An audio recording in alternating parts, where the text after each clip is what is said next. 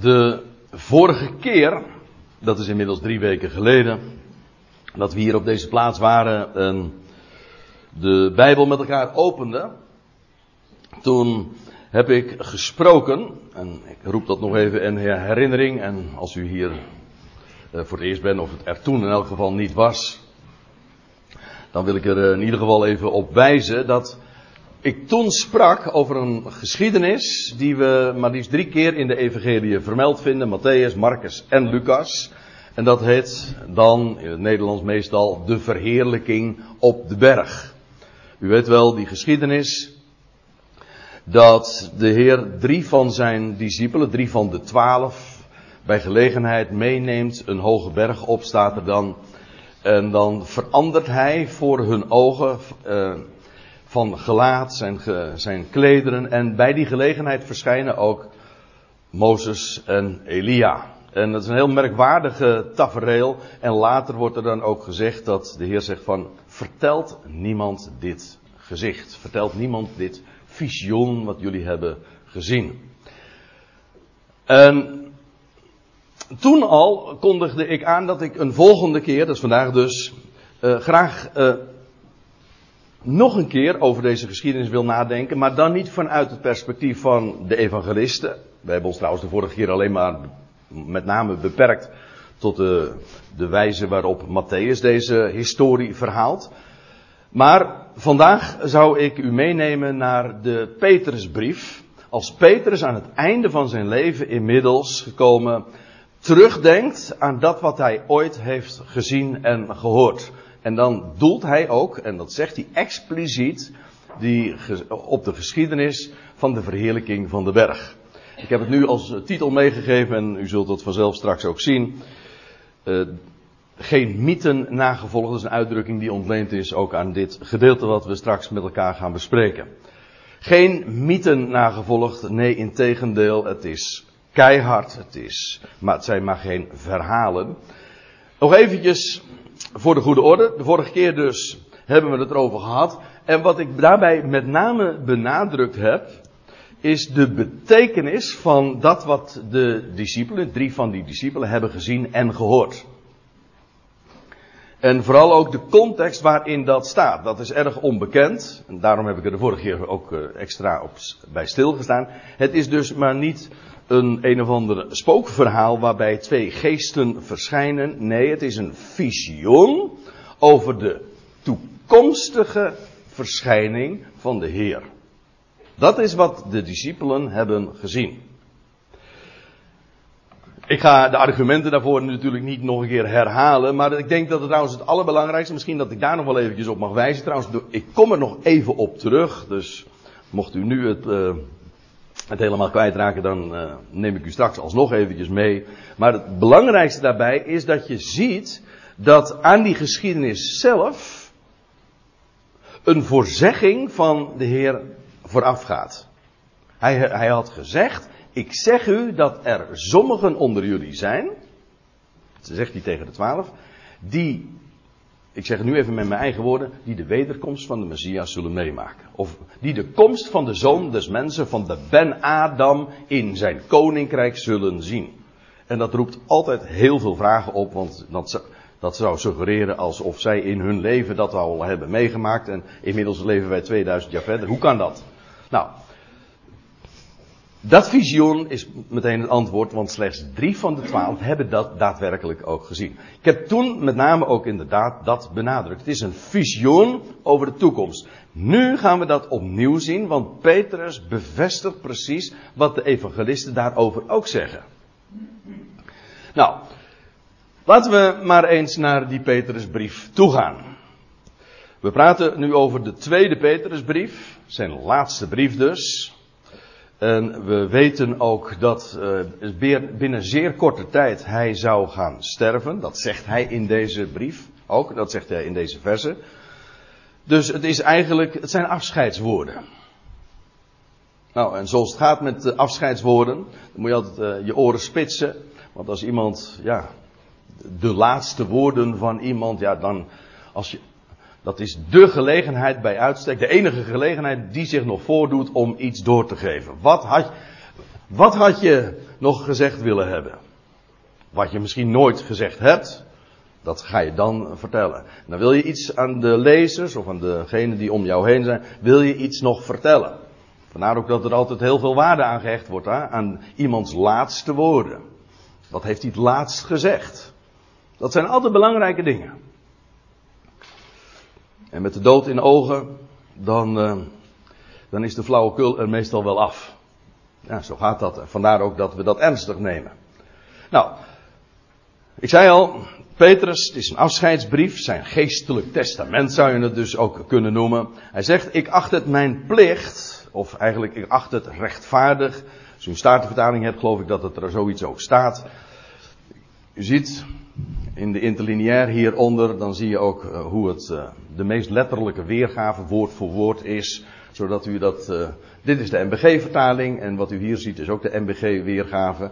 En kijk, dan geeft de MBG het weer met mijn plicht. Maar er staat letterlijk gewoon het woord voor rechtvaardig. Nou, is dat een groot verschil? Nou, dat is aan uw beoordeling. Ik wil alleen even wijzen op de precisie. Hè? We leggen dan de loop. Hoe, hoe zegt hij dat nou exact?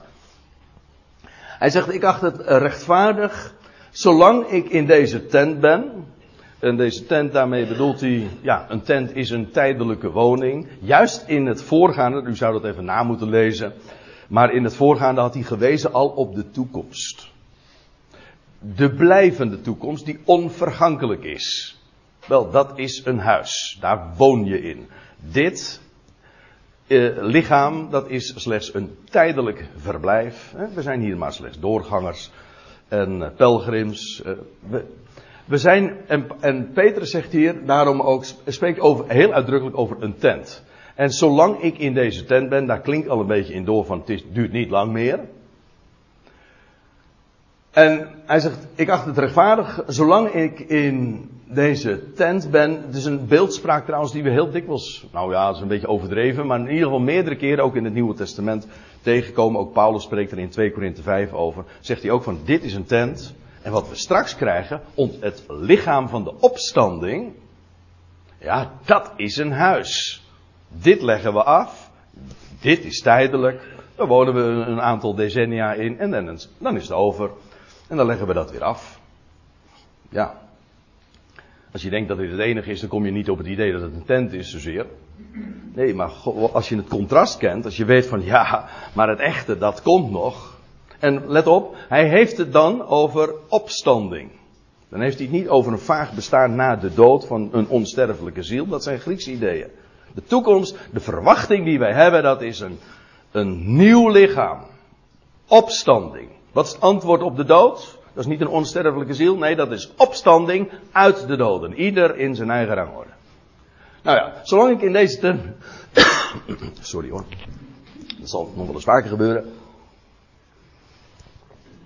Zolang ik in deze tent ben, u door herinnering wakker te houden, of eigenlijk wakker te schudden. Zodat jullie wakker blijven. Want kijk, er zijn zoveel factoren in het leven, en dat zal toen al niet anders geweest zijn. Uh, waardoor een mens weer een beetje in slaap sukkelt. En waardoor de aandacht weer verslapt. Er zijn zoveel dingen, eh, niet waar, in het leven. En ach, het zal bij u al niet anders zijn dan uh, bij ons. Dat er uh, zoveel dingen in het leven aandacht vragen en dat je je weer helemaal focust op het hier. En, maar waar gaat het nu eigenlijk om? En iedereen, een mens heeft het nodig. Dat zo is het nu een keer. En dat is ook de grote belang van elkaar te ontmoeten als gelovigen, elkaar aan te vuren, elkaar aan te sporen, aan, aan te moedigen, door herinnering wakker te schudden, of wakker te houden eventueel. Dat is wat Petrus hier zegt, want hij heeft namelijk iets, nog iets heel belangwekkends te melden. Herin, door herinnering, dat wil zeggen herinneren, dat wil zeggen, dat is een mooi woord, herinneren, dat was eigenlijk een oud-Nederlands woord voor denken. Iets wat je in je innerlijk overweegt. Je inner. Je innert. Zo zeggen we dat niet. We zeggen wel herinnert. Dat wil zeggen, je innert opnieuw. Dus een gedachte opnieuw komt weer in, um, in, je, in je hoofd op, zeg maar. Ja, u door herinnering wakker te houden. Want, zegt uh, Petrus dan, ik weet dat het afleggen van mijn tent. Die is een, uh, dubbele metafoor. Afleggen is, dat doe je kleren. En hier een tent is dat, die breek je af. Maar goed, in beide gevallen, het is een, ja, kleren trek je ook weer uit. En, uh, en hier spreekt hij, ik weet dat het afleggen van mijn tent, dit lichaam spoedig komt, met spoed. Dus dat gaat snel gebeuren. Dat weet hij. En dat kan zomaar zijn omdat, hij, uh, omdat ze de executie, dat is wat algemeen aangenomen wordt, en dat lijkt mij ook de meest voor de hand liggen, zijn executie is gewoon uh, aanstaande. En alleen al met dat in gedachten, dat is, geldt trouwens voor de meeste Bijbelschrijvers in het Nieuw Testament, ja, die zijn door, door executie, door de marteldood, om het leven gekomen. Johannes niet. Dat is de enige. Wordt ook uitdrukkelijk van hem gezegd, Johannes de evangelist bedoel ik. Maar, ja, hij weet dat dat heel spoedig gaat komen. Dus de, het jaar, laat ik, laten we ervan uitgaan dat het jaar dat hij dit schrijft, misschien wel de maand of de week, dat hij dit schrijft, deze woorden optekent, dat is ook de tijd geweest dat hij vervolg, dat hij zou uh, komen te sterven. Sterker nog, zou worden geëxecuteerd. Dat hij inderdaad een marteldood zou sterven, weten we ook. Dat wist Petrus al, al tientallen jaren, want hier, als we eh, we moeten ervan uitgaan dat deze brief, deze laatste uh, brief, deze tweede Petrusbrief, is geschreven vlak voor de verwoesting van het, uh, de stad Jeruzalem. Hoofdstuk 2 van deze brief gaat daar ook over. Over de enorme. Um,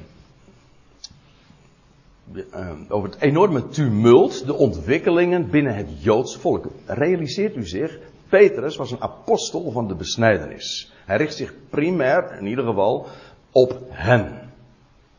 En hij spreekt ook over ontwikkelingen onder het volk. Hij zegt in hoofdstuk 2, vers 1: Toch zijn er ook valse profeten onder het volk geweest. Dat, het volk is hier gewoon Israël. En daar richt hij zich ook op. En, en hij heeft het dan in hoofdstuk 2 over de enorme spanningen en de toestanden die er waren. vlak voorafgaand aan de verwoesting van Jeruzalem.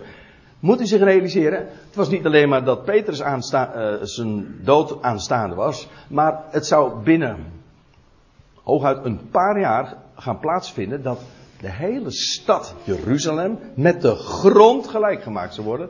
De tempel, er zou geen steen op de andere blijven staan, er zou geheel in vlammen opgaan.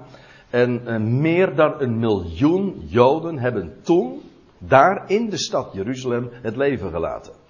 Dat weten we uit de historische beschrijvingen. De hele Joodse natie is toen ook weggevaagd. Dus dat was een enorme spannende tijd. Een van de meest gruwelijke periodes in de hele uh, Israëlitische geschiedenis geweest. Nou, um, laat ik even ter zake blijven. Ik, hij zegt, ik weet dat het afleggen van mijn tent spoedig komt. Hij zegt, zoals ook onze Heer Jezus Christus mij heeft doen weten. En ik, dit kan niet anders dan dat hij doelt wat op, op wat uh, Johannes, in het Johannes-evangelie al staat in vers 18 en 19 dat Petrus een martelaarsdood zou sterven. Ik heb er geen diaatje van, maar terwijl ik spreek denk ik, ja, laat ik het toch eventjes opwijzen. In Johannes 19, pardon, Johannes 21, dan lees ik het dan maar even voor. U weet wel, dat is die geschiedenis dat Petrus in ere hersteld wordt onder zijn makkers, onder de twaalf. En dat de Heer dan aan hem, het is bij het meer van Genezeret, dan, en dan aan hem vraagt, Petrus, heb jij mij lief? Meer dan deze. Dan, en dan, heb, heb je mij lief? En dan nog, hou je eigenlijk wel van me? Drie keer in vraag. Steeds vernederender eigenlijk. Maar in ieder geval, en dan, en dan als, als Petrus dan bedroefd wordt, dan krijgt hij een, wordt er een hart onder de riem gestoken. En dan zegt de Heer tot drie keer toe trouwens tegen hem, wijd mijn schapen. Of hoed mijn lammeren. Maar dan zegt hij ook tegen hem, voorwaar, voorwaar, ik zeg jou, dus vers 18, toen je jonger was, omgorde jij jezelf en je ging waar je wilde. Maar wanneer je eenmaal oud wordt, Petrus is hier oud geworden, maar wanneer je eenmaal oud wordt, dan zult, zul je je handen uitstrekken en een ander zal u omgorden en u brengen waar jij niet wil. En dit zeide hij, staat er dan bij, want het klinkt wat mysterieus, wat, wat moet ik daar precies onder verstaan? Nou, Johannes ligt toe en zegt, dit zeide hij, Jezus, om te kennen te geven met welke dood hij, uh, Petrus dus, met welke dood hij God verheerlijken zou. Met andere woorden, hij zou uh, op een manier komen te sterven die hij niet gewild heeft. Hij zou gebracht worden op een plaats waar hij niet heen ging uit eigen initiatief. En dat ging over de dood waarmee hij God zou verheerlijken. Met andere woorden, Petrus wist al tientallen jaar, eigenlijk vanaf het, ja, nou ja, toen de Heer nog op aarde was, wist hij al, ik zal ooit sterven, een martelaarsdood sterven. Nou, en nu zegt hij, aan het einde van zijn leven gekomen, en de executie staat kennelijk voor de deur, dan zegt hij, ach, wat nu gaat gebeuren, dat heeft ooit mijn Heer, onze Heer Jezus Christus. De volle titel krijgt hij hiermee, mij doen weten.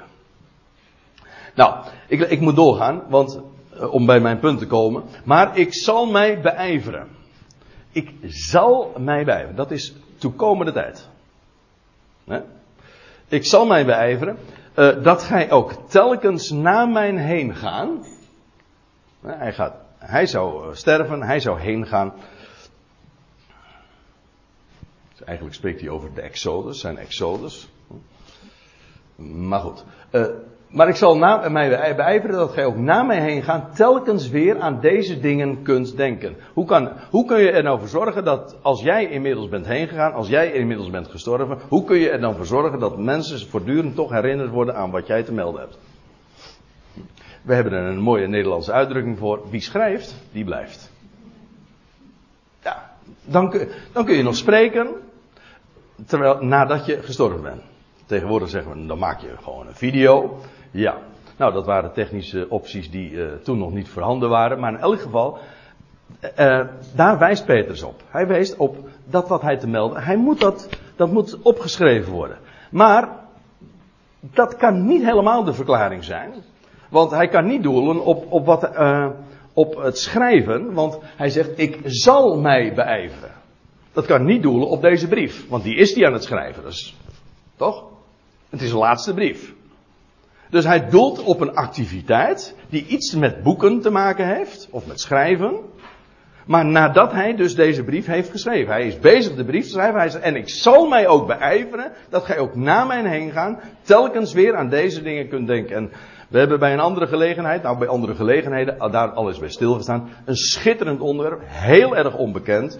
Maar dat de apostelen zelf, waaronder dus Petrus en Paulus en Johannes, maar met name Petrus en Paulus, die hebben er zelf voor zorg gedragen dat de geschriften van het Nieuwe Testament bij elkaar gebracht zouden worden en gebundeld. De geschriften. Natuurlijk, wat was nou de eerste zorg voor de apostelen?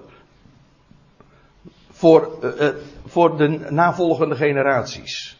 Wel, om een betrouwbaar woord achter te laten, om een collectie van boeken bij te laten. Dat is het. En wie waren daartoe bevoegd om dat, om dat te doen? Nou, gewoon zij als ooggetuigen, als apostelen. Een apostel is een, iemand die, dat betekent een afgevaardigde, die hoogstpersoonlijk afgevaardigd zijn door Jezus Christus. Dus zij, zij hadden de autoriteit om namens Jezus Christus te spreken. Ik weet, meestal zegt men van ja, dat is, dat is allemaal gebeurd pas in een kerkelijk concilie ergens in de vierde eeuw. Denkt u werkelijk dat de apostelen, ze wisten wat er allemaal zou gaan gebeuren en hoe, hoe, de, hoe de kerk compleet het spoor bij ze zou raken. Denkt u werkelijk dat zij de verzameling van geschriften zouden hebben overgelaten aan een kerkelijk concilie? Ja, ik zeg het, uh, ik vind de, de gedachte zelfs lachwekkend, terwijl het als standaard serieus als antwoord wordt gegeven. Maar goed. Het is niet mijn onderwerp, dus ik laat het hier even bij. Maar in ieder geval, zij hebben zelf de, het woord. Paulus zegt ook in Colossens 1 dat aan hen de verantwoordelijkheid is gegeven om het woord van God te completeren, te vervullen, vol te maken. Ja, gewoon.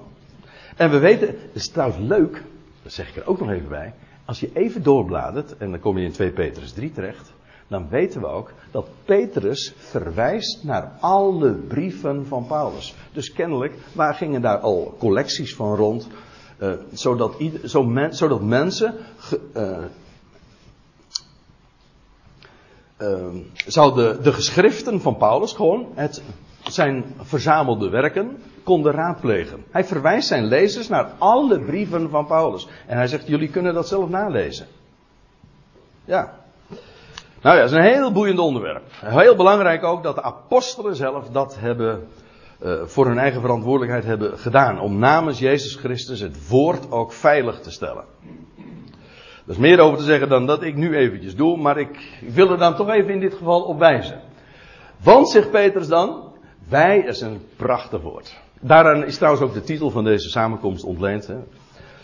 Wat we hier zien. Wij, want wij zijn geen vernuftig, met wijsheid gemaakt. Het, dat, het woord wat hier gebruikt wordt heeft met wijsheid te maken. Vernuftig, knap bedacht.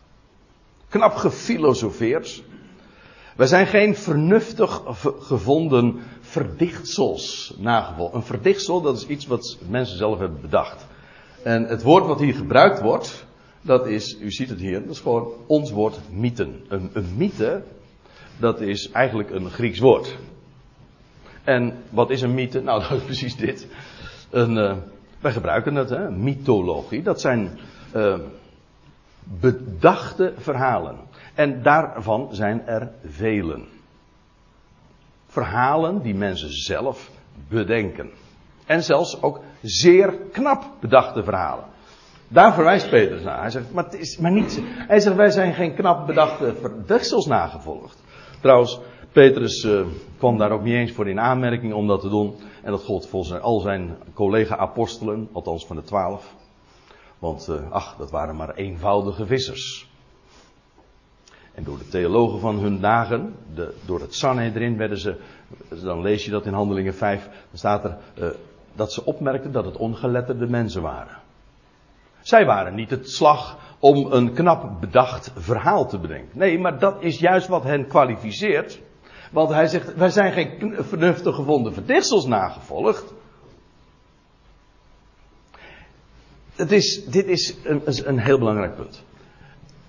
Het hele Nieuwe Testament. En het is zo schitterend om dat telkens weer te zien. Kijk het in de evangelie na. Met name moet u dat eens kijken in het begin van Lucas. Hoe hij benadrukt dat hij de, het hele evangelie, in het boek Handelingen ook, heeft opgetekend om een nauwkeurig verslag te doen van historische feiten. Die velen hebben gezien en waargenomen. Kortom, het is gewoon gedocumenteerd en onder, door ooggetuigen. Het, het evangelie is een bericht. Het is geen verhaal. Het is ook niet een morele boodschap. Nee, het is een. Een bericht is een mededeling. Een feit. Dingen die gebeurd, of feiten, dingen die gebeurd zijn, that's it. Het is ook niet ineens een oproep. Oké, een bepaald feit kan heel appellerend zijn. Dat wil zeggen, het kan een appel op je doen. Maar het zijn feiten. Of je het nou gelooft. Kijk, dat is mooi.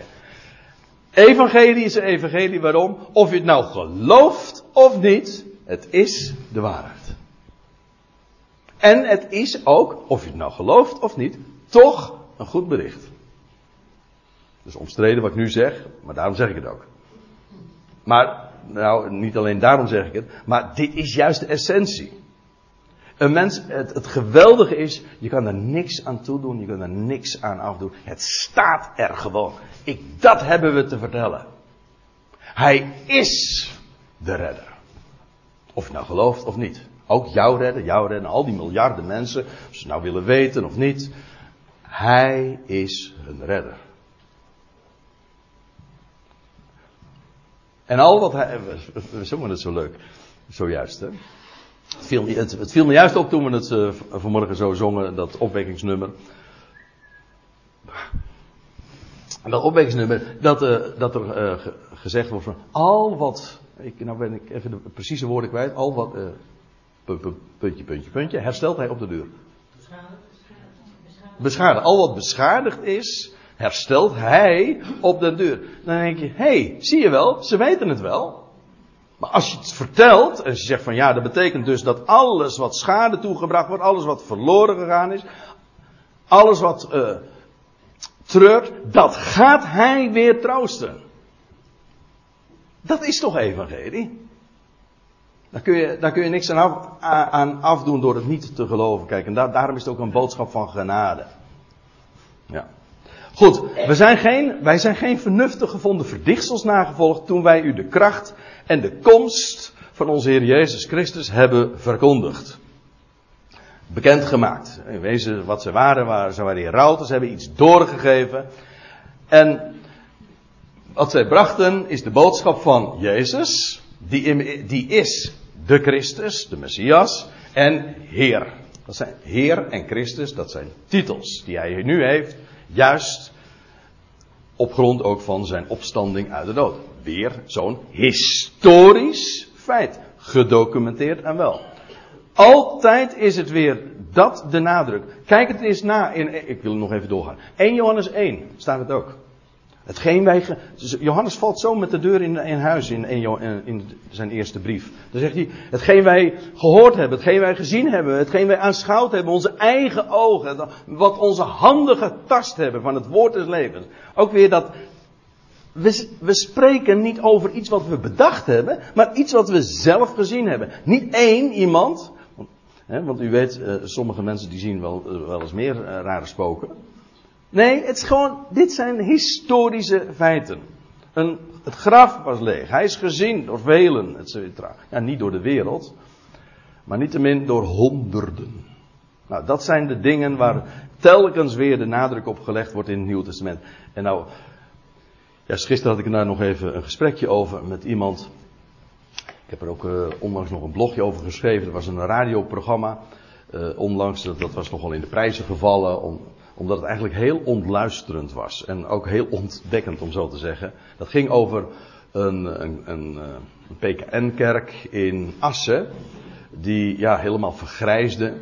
En, nou ja, daar had een radiomaker zich erop geworpen. Er, was, er kwamen geen jonge lui meer. En, nou ja, wat was er eigenlijk aan de hand? Nou ja, en dan worden allerlei kerkleden en ook de predikant worden dan aan de tand gevoeld van, ja, wat is de verklaring? En dan zeggen ze, ja, ja, vroeger ja, was er helemaal geen ruimte voor vragen in onze kerk. En toen zijn een hele generatie eigenlijk gewoon ja, afgehaakt. Ja, als je je vragen niet kan stellen en je krijgt geen antwoorden. Ja, en, en nu waren ze wel erg blij. Nu kon je die vragen wel stellen. En alleen, er was één groot probleem, ze hadden geen antwoorden. En het was, het was zelfs zo, die predikante die zegt, voor ons zijn de vragen belangrijker dan de antwoorden. Dat zijn geen echte vragen, want een vraag stel je juist omdat je een antwoord wil weten. Zijn, de vragen zijn niet anders. De vragen van vandaag zijn niet wezenlijk anders dan de vorige generatie of, of 100 of, de, of 2000 jaar geleden. Echt niet. Gewoon, mensen hebben heel primaire vragen. Ja. Waarom ben ik hier eigenlijk? Het louter feit dat een, elk mens zich die vraag stelt, waarom ben ik hier, betekent eigenlijk al dat hij weet dat er een God is.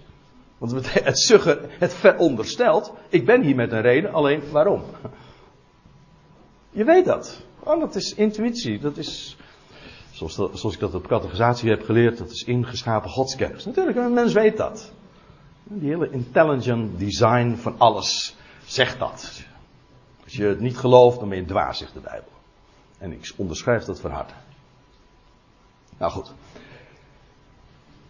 het probleem in die kerk was, uh, er, is, er, er, was geen, er, er, worden geen antwoorden gegeven.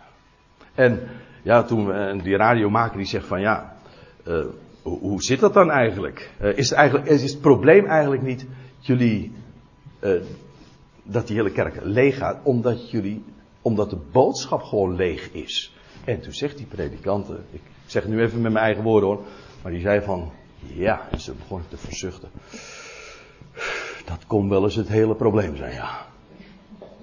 Ik denk dan, het louter feit dat er nog een paar mensen waren, dat is uh, mooi meegenomen. Want het, is, het, probleem was namelijk niet een lege kerk. Het maakt namelijk geen, uh, geen laat ik het netjes zeggen, geen fluit uit. Of er nou veel mensen komen of weinig. Als je weet dat je de waarheid vertelt, als je weet dat je antwoorden hebt, ja, dan vertel je het gewoon. Een lege kerk, of dat er maar weinig mensen opkomen, nou, dat kan jammer zijn, natuurlijk. Maar dat is het punt niet. Als je wat te melden hebt, dan maakt het helemaal niks uit. Je, je moet eruit. Je hebt, je hebt antwoorden. Je kan het documenteren. Mensen moeten het weten. En daar, ja, het, het, ging in die kerk eigenlijk alleen maar hoe houden we nog de boel bij elkaar. En Nou, het ging eigenlijk over kerkgebouwen en over hoe moeten we de kerkdienst dan nog vormgeven. Al dat soort, sorry dat ik het zeg, flauwekul. Mensen gaan, waarom ga je naar de kerk als, als er niks te vertellen is? Als, als men gewoon uitgepraat is. En laat ik u vertellen, dat is maar niet toevallig die ene kerk daar in As hoor. Want zo, dat is een algemeen probleem. Men heeft gewoon niks meer te vertellen. Het probleem is dus niet een lege kerk, het is een lege boodschap.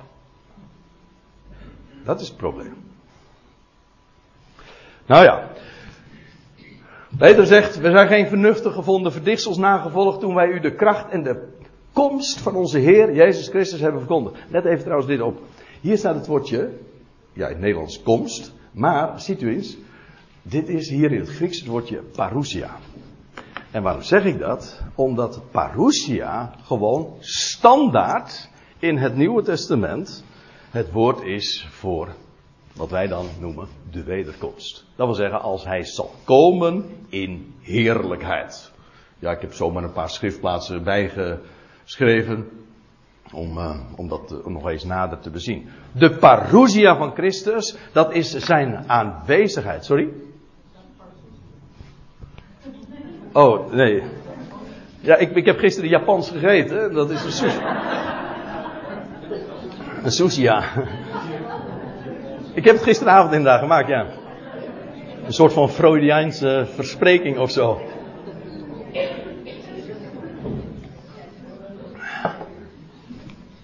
Ja, dit heet dus inderdaad parousia. Dat betekent eigenlijk letterlijk de aanwezigheid, maar duidt in, in, het bijzonder ook op de term uh, van de aanwezig als een koning verschijnt in heerlijke. Dat, is, dat was de parousia, dat was ook een technische term voor, zo, voor zo'n gebeurtenis. Als een hoogwaardigheidsbekleder, een koning of een keizer kwam en dan kwam hij in zijn heerlijkheid. Nou, die uitdrukking, de komst, daar gaat het dus over zijn. De komst, de parousia van de Heer, straks in heerlijkheid. Dat zijn parousia. Zijn, toen de Heer hier in het verleden rondwandelde, in gedurende de eerste eeuw zal ik maar zeggen, dat was niet zijn parousia. Nee, zijn parousia, dat is een toekomstig gebeuren. Dat zeg ik nu eventjes ook.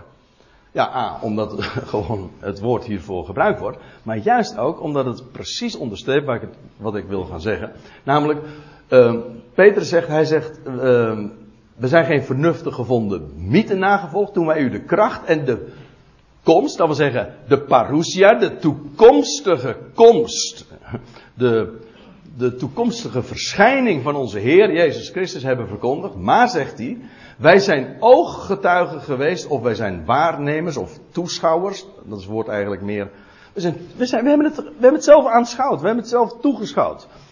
En we zijn, of hier staat dan, wij zijn ooggetuigen geweest van zijn majesteit. Maar hier dringt zich een vraag op. Maar als u goed tot dusver geluisterd hebt en de vorige keer er ook bij was, dan zou je al een lampje moeten gaan branden en zeggen, aha.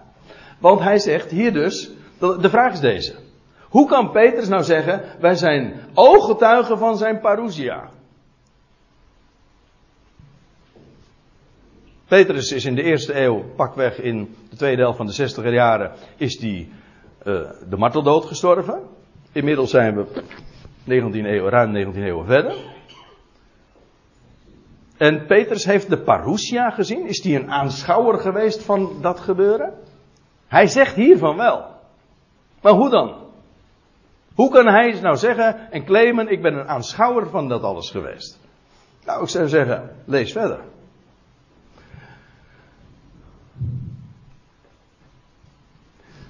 Nu neem ik u nog eventjes mee naar, dat gedeelte waar we de vorige keer over hadden. Toen in Matthäus 16 en 17 eindigt, Matthäus 16 eindigt met dit vers. En dan zegt de Heer, voorwaar, ik zeg u, jullie, er zijn sommigen onder degenen die hier staan. Ik, ik refereerde al eerder aan deze woorden. Er zijn sommigen onder degenen die hier staan, dus zonder een pakweg 12. En, maar er waren een paar. Een selectie uit die twaalf dus. Er zijn sommigen onder degenen die hier staan, die de dood voorzeker niet zullen smaken, voordat zij de zoon des mensen, de Ben Adam, we hebben de vorige keer daar uh, wat meer bij stilgestaan, voordat zij de Ben Adam, de grote erfgenaam van Adam, hebben zien komen in zijn koninklijke waardigheid. En men zegt dan van, hé, hey, de Heer heeft zich hier vergist, of de Bijbelschrijvers hebben zich vergist, want hij is niet gekomen in zijn koninklijke waardigheid en 2000 jaar later is het nog steeds niet gebeurd. Fout dus. Nee, helemaal niet, want lees nou even verder, laat je niet misleiden door de hoofdstukindeling. En zes dagen later nam Jezus, Petrus, Jacobus en zijn broeder Johannes, dus sommigen van hen, mee en hij leidde hen een hoge berg op, Hermon hebben we toen al voorgedragen als meest waarschijnlijke optie. Hij nam hen een hoge berg op in de eenzaamheid. Nou. En, en wat zij dan te zien krijgen, nou dat is die verheerlijking op de berg. Daar in de hoogte op die berg uh, zien zij dus uh, de Heer veranderen in heerlijkheid. In heerlijkheid. Ze zien de Heer in zijn opstandingsheerlijkheid. En niet alleen Jezus, maar ook uh, Mozes en Elia. Daar verschijnen geen geesten aan hen. Nee, wat zij zien is een visioen van opgestane mensen. Die opstanding zou nog plaatsvinden, maar wat zij hier zagen was al een voorsmaak. Een preview noemde ik de vorige keer dat. Een, een preview van dat wat eens zou gaan gebeuren. Namelijk als hij strak, hij zal nog komen in zijn koninklijke heerlijkheid en geen oog zal dat dan in deze wereld ontgaan. Neem dat van mij aan. Maar zij hebben daar al van tevoren een zicht op gehad. En dan is het zo mooi. Uh, zij hebben dus de Heer al in zijn koninklijke heerlijkheid uh, zien komen. En dat was zes dagen later. Dus, uh, en ik heb er toen ook al op gewezen. Het was op een sabbat. Het was op de zevende dag. Eigenlijk. Had het kunnen raden. Want als we het hebben over de Heer die straks komt in zijn heerlijkheid, dat is de grote, Hebreeën 4 noemt dat ook zo, de Sabbatdag. De zevende dag, die gaat komen voor deze wereld. Na zes dagen van menselijke arbeid komt dan de dag van rust van Hem, de dag van Hem. En hoe lang duurt die dag? Ja, nou, die dag, nou, die dag duurt duizend jaar. Er komt daarna ook nog een achtste dag enzovoort. Maar dat is even een verhaal apart. De Bijbel spreekt ook over de duizend jaren. Trouwens, voor de Heer is één dag, Peter. Dat zegt Petrus. Mensen, dit ene mag u niet ontgaan, geliefde. Zegt Petrus in dezezelfde brief, hè? 2 Petrus 3. Als hij zegt van ja, er komt. Petrus zegt nou aan het einde van zijn leven. Mensen, ik verlaat het toneel. Hij zegt, maar er komen straks generaties. Die zullen zeggen, wat blijft de belofte van zijn komst? Hm? Hij zou toch komen? Zo, ah, gebeurt helemaal niet. Petrus zegt het al. Hij zegt, het gaat nog een hele tijd duren. Hij zegt, en, en ik geef, hij zegt, geef je op een briefje, even met mijn eigen woorden. Men gaat straks zeggen, wat blijft de belofte van zijn komst? En dan zegt hij, ja, maar willens en wetens ontgaat hen het een en ander. En dan zegt hij er ook bij, maar dit ene mag u niet ontgaan, geliefde. Dat bij de Heer één dag is als duizend jaar en duizend jaar als één dag. Met andere woorden, als we nu 2000 jaar verder zijn, bijna, sinds, het, sinds dat de Heer het aardse toneel verlaten heeft, zijn we dus voor de Heer, in zijn termen, slechts twee dagen verder.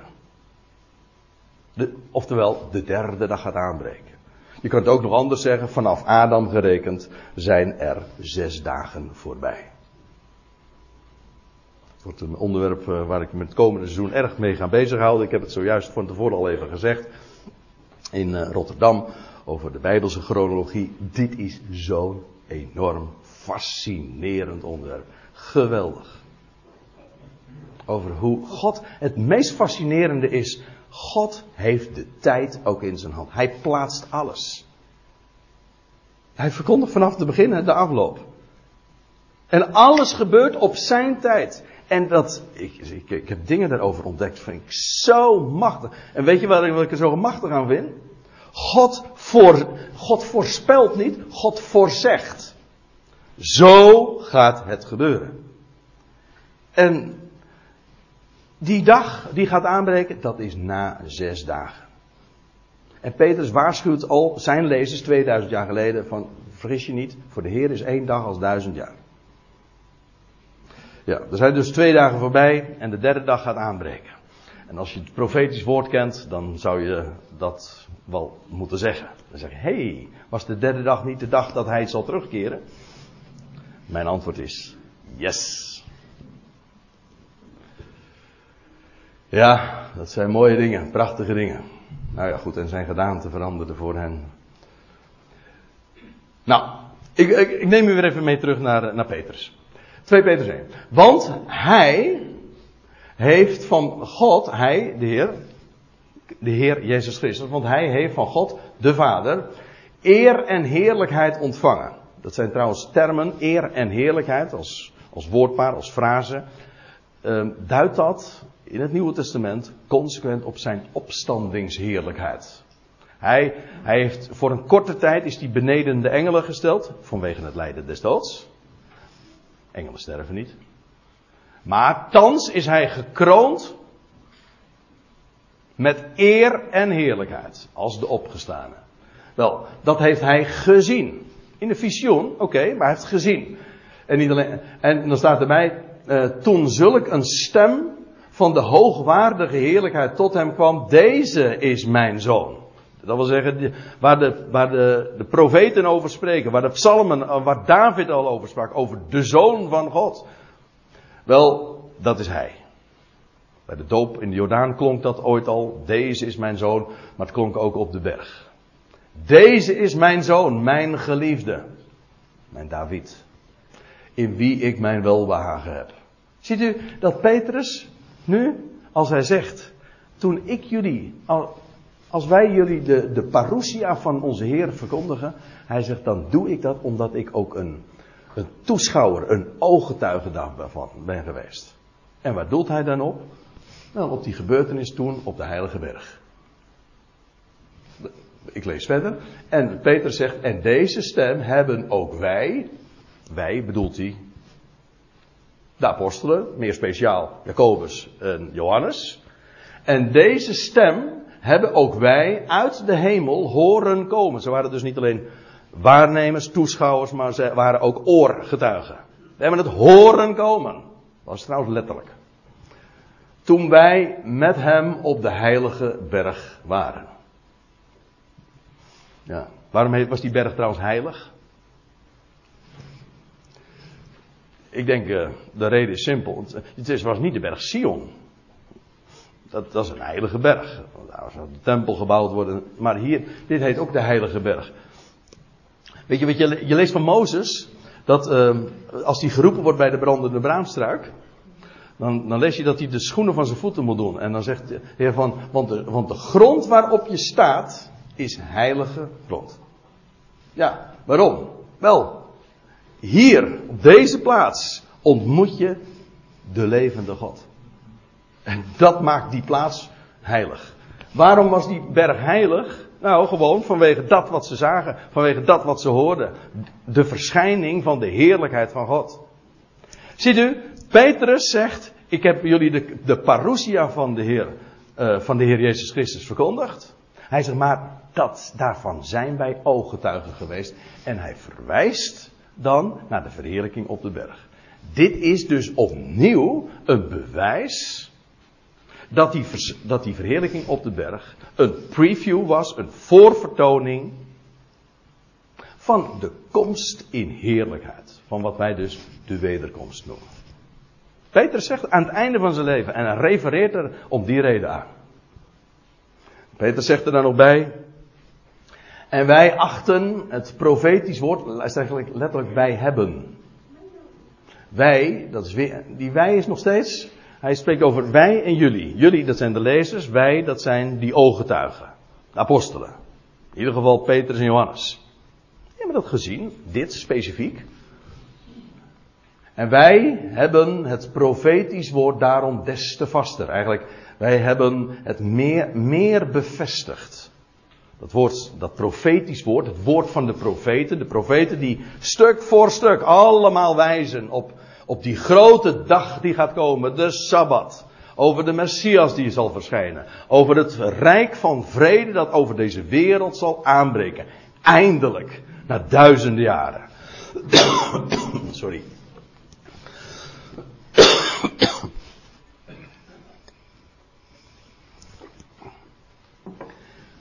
En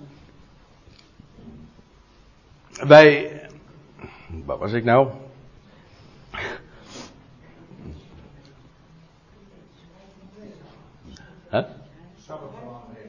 Ja. Oh ja, dat, wat, ik, ik, had het ook over eh, de profeten. Het, het, profetisch woord, dat is gewoon het woord van de profeten. Wel, dat woord is al solide. En al die profeten die spraken over die grote dag die zou aanbreken. Ja, nou, en dat woord dat, ja, dat sloot al aan één en dat was vast. Ja, maar nou heeft Petrus en andere ooggetuigen hebben dat bevestigd gezien. Nog vaster gesteld. Nog vaster dan dat het al stond. Hij zegt, en wij hebben dat profetische woord. Uh, bevestigd. Uh, jullie doen ja, en dat woord, het profetisch woord, is inderdaad dus het woord van de profeten. Uh, en jullie doen wel, gij, dat is meervoud, en jullie doen wel uh, er acht op te geven. Waarop te geven? Wel, dat woord van de profeten, dat profetisch woord. Als op een lamp, die schijnt in een duistere, eigenlijk staat er niet zozeer het woordje donker, maar groezelig. Een beetje een, uh, ja, hoe zeg je dat? Een, een macabere plaats. Dat woord dat schijnt. Kijk, deze wereld is in zijn geheel wandelt in de duisternis. Dat is een mooie definitie van. Uh, in, uh, Johannes, uh, in de brief van Johannes staat er zoiets. Dat hij zegt van de wereld wandelt in de duisternis. En dan staat erbij. Want ze weet, wie, in de duisternis wandelt, weet niet waar, je vandaan komt. Je weet niet waar je naartoe gaat. Kortom, je bent compleet gedesoriënteerd dat is het probleem van nou, de wereld in het algemeen. Als je God niet kent, ja, dan weet je niet waar je vandaan komt, weet je niet waar je naartoe gaat. Nou, en uh, ja, hoezo, uh, hoezo dat we zo van, vandaag zoveel weten. Ik bedoel, er is heel veel techniek, maar echte wetenschap, gewoon fundamentele wetenschap. Gewoon als, je, als het gaat nou om de grote vragen, waar kom ik vandaan, waar ga ik naartoe, wat, wat is de clue van het geheel? Weet je, dat weet men niet. Dan leef je toch in de duisternis. Ook al heb je nog, nog zoveel verstand enzovoorts. En al heb je nog zoveel vernuftige gevonden mythen. Ja, maar je weet nog niks. Dat is het geweldige. Wij hebben dat profetisch woord, zegt Petrus. En, en jullie doen, jullie, wij, jullie, doen wel er acht op, uh, uh, er acht op te geven als op een lamp. Mensen, dat woord van de profeten, en de Bijbel in het algemeen, dat is een lamp voor onze voet, een licht op ons pad. En in deze wereld ja, kun je daarmee werkelijk vaste koers varen. Dat is geweldig. God heeft gesproken. Hij voorzegt. Dat woord is solide. Het is gezien en bevestigd, gedocumenteerd. Dat is zo geweldig. Als je licht hebt in de duisternis. De wereld tast in rond en wij hebben eh, dat profetisch woord en je doet wel er acht op te geven. En laat je niet wakker, of pardon, laat je niet in slaap sussen door alle, eh, alle toestanden in de wereld. Het geldt trouwens ook voor alle leuke dingen, want die kunnen je net zo goed in slaap wachten, uh, hoe zeg je dat? Wiegen. Hm? Ja, toch? Ja, echt wel. Uh, helemaal blind varen op de wereld. Mensen, dit is waar het werkelijk om gaat. Dit woord. En al het andere, ik, zul, ik durf zelf zo te zeggen, er is maar één ding waar het om gaat. Dat durf ik rustig zo te zeggen, want zo staat het ook in de Bijbel. Wij maken ons zorgen over vele dingen. Maar één ding is slechts nodig. En als je het niet gelooft wil, moet je het maar eens Lucas 10 nakijken. Eén ding is slechts nodig. En al het andere, ik zeg het nou gewoon eventjes populair, maar duidelijk lijkt mij, al het andere in de wereld is feitelijk flauwekul. Stelt niks voor. Gewoon gerelateerd aan. Ten opzichte van dit is al het andere volstrekt. Nou, ik kende vroeger een man die zei altijd, uh, punt 72. Hij bedoelde volstrekt onbelangrijk. Ja, jullie kennen hem ook. Eh, weet je, het is, dat is het. Wij doen wel daar acht op te geven, op dat woord. Dat schijnt in een donkere plaats, totdat de dag aanbreekt. Totdat het daglicht komt. In de wereld is het duister en de dag gaat aanbreken. Die die zevende dag natuurlijk, hè? Die dag van de Heer. Totdat de dag aanbreekt. En de morgenster opgaat. Nou, dat is een, vind ik een hele slechte vertaling. Het gaat niet over een morgenster. Het is geen, hier wordt het woordje fosfor eigenlijk gebruikt. U weet dat is een element, een scheikundig element dat licht geeft. Eigenlijk is het een lichtbrenger. Gewoon de lichtbrenger. Als de nacht verdwijnt. Hm? Als, als het dag wordt, wat gebeurt er dan? Ja, dan wordt er licht gebracht. Door wat? Door een morgenster? Nee, natuurlijk niet. Gewoon door de lichtbrenger. De zon der, dus daar is ook bijbelse beeldspraak. Als straks de zon der gerechtigheid over deze wereld zal opgaan. Dat is een, een, een van de messiaanse titels. Totdat, kijk, wij leven nu in, een, in de nacht. Maar in die nacht hebben wij een lamp. Een licht heb je nodig, want in de wereld zelf is het gewoon stikdonker. Laat je niks anders wijs maken. En daarom doen we wel daar acht op te geven. Nou, totdat ja, in de wereld ook niet meer donker is. Er komt een dag, en dat is niet zo lang meer. De zes dagen zijn bijna voorbij. Of zo u wilt, de twee dagen zijn bijna voorbij. En dan wordt het dag in deze wereld. Dan is het, verdwijnt de duisternis en dan is het voor iedereen volkomen helder. En zolang dat nog uh, niet het geval is, hebben wij in ieder geval in die nacht toch licht. Ja, totdat de dag aanbreekt en straks de lichtbrenger opgaat. Ops. Ja, opgaat, ja, met recht. Dat is een uitbeelding ook, of een uit, uitdrukking die verwijst naar wat de zon doet. In uw harten, ja, dat is nou even lastig, want ik geloof dat deze woorden in uw harten niet slaat. Ja, ja dat dat niet slaat op het voorgaande, maar bij het, op het navolgende. Kijk, ja, moet ik toelichten? Kijk, het, het Grieks, gewoon zoals wij de Bijbeltekst hebben, hebben geen, heeft geen interpunctie. Uh, dat wil zeggen geen punten, geen komma's, hoofdletters, uh, waar je ziet waar de zin begint. En men heeft hier de zin laten eindigen met in uw harten. Maar die morgenster gaat niet op in de harten. Nee, in uw harten, in de harten van jullie, dat verwijst naar het volgende. Dit, als dan in vers 20 staat, dit vooral moet gij weten, dan moet je eigenlijk zeggen, in de harten van jullie, dit eerst wetende. Kijk, dan krijg je een prima zin. Dat in uw harten, dat slaat dus niet over het opgaan van de zon, want dat gaat niet, die zon die gaat niet op. Die lichtbrenger die gaat niet op in de harten, die gaat op over de hele wereld. Nee, in de harten zouden we eerst dit weten. Dit eerst wetende dat geen profetie der schrift, dat wil zeggen geen profetie dat uh, de schrift bevat, elke profetie van de schrift, let op het enkelvoud. Aan de ene kant wordt er in de Bijbel gesproken over, het is een verzameling geschriften, de schriften, wijst erop dat het allemaal verschillende boeken zijn. Maar er is feitelijk maar één auteur. En in dat opzicht zijn al die boeken dus gewoon van één auteur. Het zijn eigenlijk hoofdstukken van één boek. Dan is het gewoon de schrift. De schrift kan niet gebruikt worden. Dat wijst op het, de totaliteit, maar ook op de eenheid ervan. Al die boeken is een eenheid. De schrift. En ja, omdat het een eenheid is, uh, laat geen profetie der schrift een eigen machtige uitlegging toe. Eigenlijk staat er een eigen uitlegging. Dat kun je op twee manieren opvatten. Van je mag het niet op jezelf. Uh, uh, je, je, moet daar zelf niet je verhaal aan maken of zo, van maken. Nee, het hoort allemaal bij elkaar. Dus vandaar dat ik het beeld ook gebruik van die puzzelstukjes. De meeste mensen denken, ja, die, die Bijbel, die hebben daar verder. Er wordt dus elke dag een stukje uitgelezen of een paar keer per dag. Ik zeg daar niks kwalijks van, maar laat ik u dit zeggen: die Bijbel zou niet in de eerste plaats gelezen worden. Er staat nergens in de Bijbel: lees de schriften. Er staat in de Bijbel: onderzoekt de schriften. Die Bijbel, dat is een puzzel. Echt. Al die stukjes horen bij elkaar.